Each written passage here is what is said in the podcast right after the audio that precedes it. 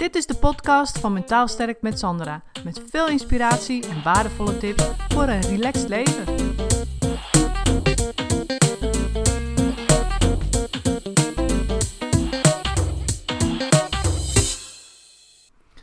Mijn uh, man en ik lopen regelmatig uh, s'avonds een rondje. En een onderdeel van het rondje is de begraafplaats. Wij hier in het dorp een begraafplaats en we lopen dan over die begraafplaats en dan kunnen we daarna een mooi rondje langs het water maken. Dus dat is een leuk rondje.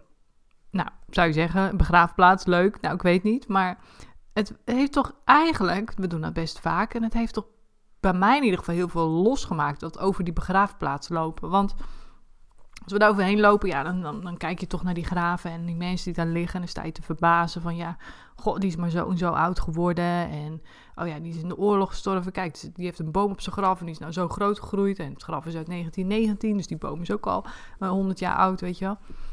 En um, mijn man die praat altijd heel makkelijk over de dood, weet je. Die zegt altijd, ja, want uh, uh, als ik dood ga, dan uh, moet je me maar in, in, gewoon een paar lappen wikkelen en dan uh, wil ik gecremeerd worden. Uh, en uh, het is helemaal niet het type man die, die heel erg spiritueel en, en heel gevoelig en al die dingen is. Maar hij heeft wel ergens ooit eens gelezen dat, dat je niet te snel gecremeerd moet worden, omdat het dan zeer doet aan je ziel. En ja, dus dat is heel gek, maar dat gelooft hij. En hij zegt dus ook, ja, in die lappen. En dan gecremeerd, maar niet te snel, want anders dan, dan doet dat zeer aan mijn ziel. Dus dat, dat, uh, dat schijnt pijnlijk te zijn. Zegt, dus dat wil ik niet. Moeten we even een paar dagen, laat me maar even een paar dagen liggen. Weet je wel, zegt hij dan.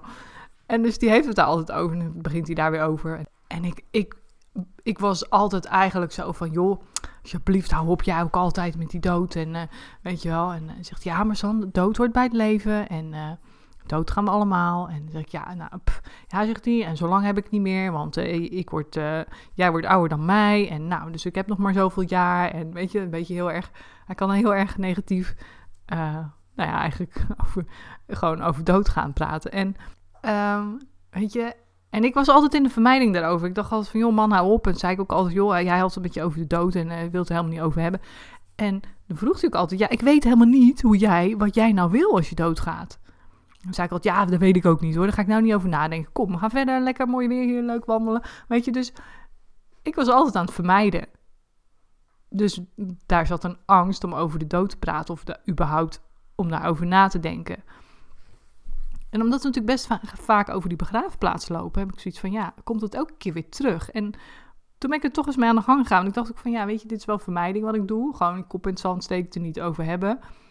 En het is inderdaad ook onderdeel van het leven. Dus, dus weet je, ik, ik, ik ga me daar toch eens mee bezighouden. En toen ben ik eens gaan googlen en zo. En ik dacht van, ja, hoe zit het dan met leven na de dood, weet je? En, en misschien, volgens mij heb ik dat in mijn vorige podcast ook wel eens verteld. Ik heb, uh, oh nee, dat heb ik in het uh, interview met Patrick Kikken verteld. Over, um, het ging natuurlijk ook over spiritualiteit en over wat we... Hij vroeg van, uh, wat ben je in een vorig leven geweest? Volgens mij is dat wat hij vroeg. En toen, uh, toen zei ik ook, ja, ik denk dat ik een man ben geweest. En ik, uh, ik, uh, ik heb heel erg veel affiniteit met Amerikaanse, met, met, met ja, mensen die zijn geëmigreerd naar Amerika, weet je wel. En die hele ja, emigratietijd en zo, dat boeit me altijd heel erg. En ik weet eigenlijk niet waarom, weet je, of waar dat vandaan komt, weet je. Dus ik heb wel een paar van die dingen waarvan ik denk, ja, dat is niet heel erg verklaarbaar. En waar komt het dan vandaan?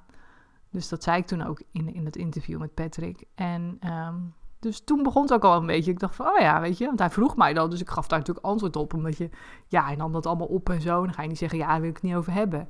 Weet je wel, dus toen dacht ik, oh ja, weet je. Eigenlijk is dat best wel heel interessant, die vorige levens. En, en ik liep daar dus ook weer laatst met mijn man uh, op, op de begraafplaats. En toen... Uh, toen hadden we het er ook weer over. En toen zei hij ook weer, ja, in die lappen. En weet je, want hij haalt zich heel veel. Nou ja, in die lappen gewikkeld. En dan niet te lang, want dat doet zeer. En toen vertelde hij dus ook dat hij film had gezien. Of dat er. Nou, ik weet niet meer hoe die erbij kwam. Maar er was in ieder geval een, een uh, wetenschapper. Die had een, uh, een keer een onderzoek gedaan. Mensen die net overleden waren, die had hij gewogen. Dus voordat ze overleden, overleden had hij ze gewogen. En direct nadat ze overleden waren, woog hij ze opnieuw.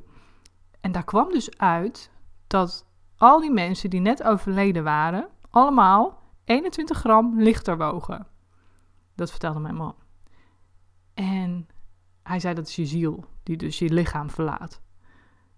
En toen dacht ik, jeetje, dat is wel heel bizar. Dus daar ben ik ook op gaan googlen toen. En inderdaad, er is een film van gemaakt, dat onderzoek is gedaan. En ja, of dat onderzoek heel erg uh, uh, ja, op waarheid gebaseerd is, weet ik niet. Maar het is in ieder geval het idee, weet je, het idee is er. En ja, dat, dat is natuurlijk gewoon een bizar idee. Dat dat eigenlijk gewoon, dat je ziel je lichaam verlaat. En toen dacht ik ook, weet je, ja, vorige levens, je, je ziel lichaam verlaten. En je hebt natuurlijk mensen die zijn paranormaal en die zien en horen andere mensen om je heen en om zich heen of om anderen heen. Dus ik heb echt wel het geloof dat er iets meer is na de dood. En toen ben ik ook eens verder gaan googelen. En toen dacht ik, weet je, ik wil daar gewoon iets mee. Gewoon ook voor mezelf, om die angst aan te gaan eigenlijk. Hè, om dat stukje van die angst voor de dood, het eigenlijk vermijden, het er niet over te willen hebben. Dat is natuurlijk ook wat ik andere mensen ook altijd leer. Weet je, die angst meenemen, uh, maar wel ja, iets doen wat je belangrijk vindt, wat je interesseert, of waar je echt warm voor draait, of wat gewoon goed voor je eigen ontwikkeling is. Nou, in dit geval, ik wil gewoon lichter en makkelijker over die dood kunnen denken. Daar lichter en makkelijker in staan. Dat het niet zo zwaar op me drukt als ik op een begraafplaats loop.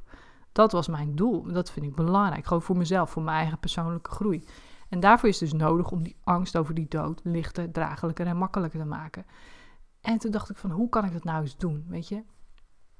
Ik kan er andere gedachten over hebben, maar ik denk dat het meest krachtige is, en dat is natuurlijk ook wat ik in mijn therapie altijd doe, is het zelf te gaan ervaren.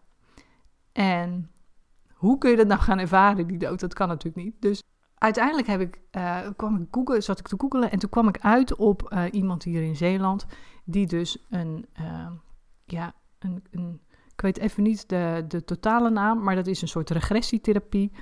En daarin word je gegidst door 1 tot 3 vorige levens. Dus je wordt dan onder hypnose gebracht en dan ga je dus in contact met je hogere zelf, ga je terug naar je, naar je vorige levens. Tot 1, 1 tot 3 vorige levens, daar word je doorheen gegidst. En zo'n sessie duurt 5 tot 7 uur, dus dat is echt heel vet. En uh, ja, dan weet je dus eigenlijk wat je in je vorige leven bent geweest. Ik vertelde dat aan mijn man en die... Uh, die zegt, ja, maar ja, hij zegt, ja, jij denkt nu dat je dit en dit al bent geweest. En dan heb je dus eigenlijk al een soort van vooropgezette interpretatie daarover. Hij zegt, ja, dan uh, is het natuurlijk al niet meer eerlijk, weet je wel.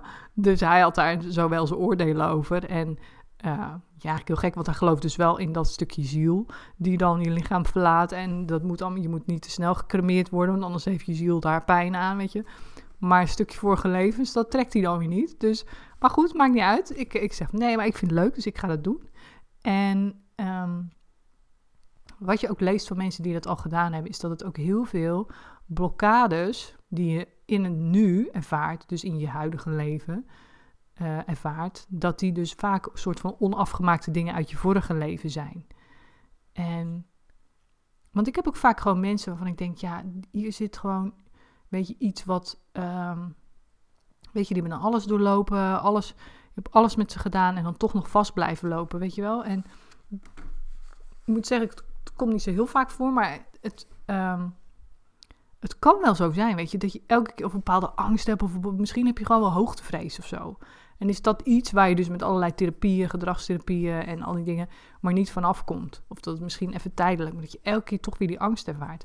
Nou, dat kan dus komen door iets uit je vorige leven. En daar is ook weer een boek over geschreven. Iemand heeft het ook gedaan. En die was, uh, die was altijd bang om. Die was bang voor hoogtes. En die ging een keer parachute springen. En toen die uh, klaar was om te springen, toen durfde die niet meer. En toen maakte zich een enorme angst van zich meester. En dat was echt de meest bizarre angst die hij ooit had gevoeld. En hij is toen ook in zo'n regressietherapie geweest. Het heeft een andere naam hoor, maar dat, dat kan ik nog eens even een keer opzoeken. Ik ga sowieso vertellen hoe het geweest is. Dus dan zal ik het volledige naam en alles wat het was geweest even benoemen. Maar die uh, had dus een idiote angst, voelde die, om te springen. En um, die heeft dat dus ook gedaan. En die kwam er dus achter dat hij in zijn vorige leven een parachutist uit de Tweede Wereldoorlog was. Die, ja, dus volgens mij gesprongen was en toen is overleden. Of, uh, ja, dat was het volgens mij. Dus, weet je, dat zijn van die dingen die dan ineens verklaard zijn. je kunt heel hard werken aan je, aan je hoogtevrees. Maar als je dus die ja, op bepaalde momenten nog steeds blijft houden, dan kan dat dus zijn dat dat iets is uit je vorige leven. En nou, ik ben gewoon heel benieuwd om daar ehm, meer van te weten te komen. En dus ik heb er echt super veel zin in. Het is pas 1 juli, dus, dus ik kan daar niet op de korte termijn een podcast over maken. Dus die komt pas van de zomer.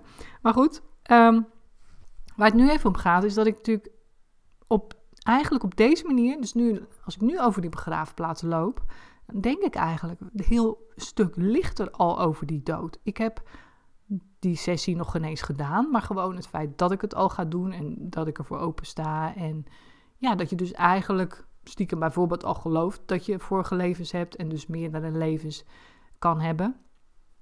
Dat maakt het eigenlijk een stuk lichter. Dat ik ineens denk van ja, weet je, het maakt eigenlijk helemaal niet zoveel uit als je doodgaat. Want je gaat gewoon verder in een volgend leven. Of ehm, ja, je kan geloven dat je natuurlijk je ziel bij je geliefde blijft en dat je toch een soort van connectie met mensen die dus paranormaal zijn, toch ja, daar een soort van connectie mee kan houden of ze kan blijven volgen of zo, weet je, weet ik veel. Maar ik ben er wel van overtuigd van er is iets meer. En ik ga nu in onderzoek van wat is er dan meer. En ik begin in ieder geval met het stukje wat zijn mijn vorige levens geweest en wat kan ik daar voor mezelf uithalen. Niet alleen voor over de angst voor de dood, maar ook gewoon ja, dingen waar ik misschien onbewust of bewust tegenaan loop in mijn huidige leven, die dan een soort van daardoor oplossen of veranderen of ja, dat je er anders tegenaan kijkt. Dus daar ben ik heel benieuwd naar. Dus ja, ik denk, ik ga dat eens even met jullie delen. En dit is gewoon een heel goed voorbeeld van, ja, hoe kun je nu iets lichter en draaglijker maken voor jezelf. Dus als je echt een angst ergens voor hebt, hoe kun je dat lichter en draaglijker maken? En dat is gewoon heel belangrijk dat je in ieder geval niet gaat vermijden en kop over in het zand gaat steken, maar daar mee aan de gang gaat, daar dingen, nieuwe dingen over gaat ervaren en daarbij die angst meeneemt. Want weet je, natuurlijk vind ik het eng en dat wil niet zeggen dat ik nog steeds niet bang ben voor de dood of dat je, maar ja, ah, nou eigenlijk is dat ook niet waar. Ik ben vooral nieuwsgierig nu naar de dood. En niet dat ik, er, dat ik er op korte termijn mee te maken wil hebben, maar wel gewoon op een manier van hoe kan ik er vanuit het nu mee bezig zijn, zodat die hele context van ja, doodgaan gewoon lichter, draaglijker en makkelijker wordt. En dat is wat ik jou ook gun. Dus vandaar dat ik deze podcast even heb gemaakt. En ik hoop je hiermee weer geïnspireerd te hebben. Dus bedankt voor het luisteren en tot de volgende podcast. Doei doei! Bedankt voor het luisteren. Het is mijn intentie om met deze podcast waardevolle inzichten te delen die je kunt gebruiken voor je eigen leven en die je helpen groeien in je persoonlijke ontwikkeling. Wil je voortaan alle verhalen bij elkaar hebben staan? Abonneer je dan even op Mentaal Sterk met Sandra op iTunes of Stitcher. En ben je enthousiast over mijn verhaal? Dan zou ik het superleuk vinden als je een review achterlaat. Dat kun je doen in iTunes of Stitcher en geef je bij beoordelingen en recensies een korte review. En ben je echt enthousiast? Geef dan 5 sterren. Dat zorgt ervoor dat ik hoger in de ranking kom te staan en nog meer vrouwen kan inspireren tot een relaxter leven. De dank is groot als je dat even voor me wilt doen. Tot de volgende keer bij een nieuwe uitzending.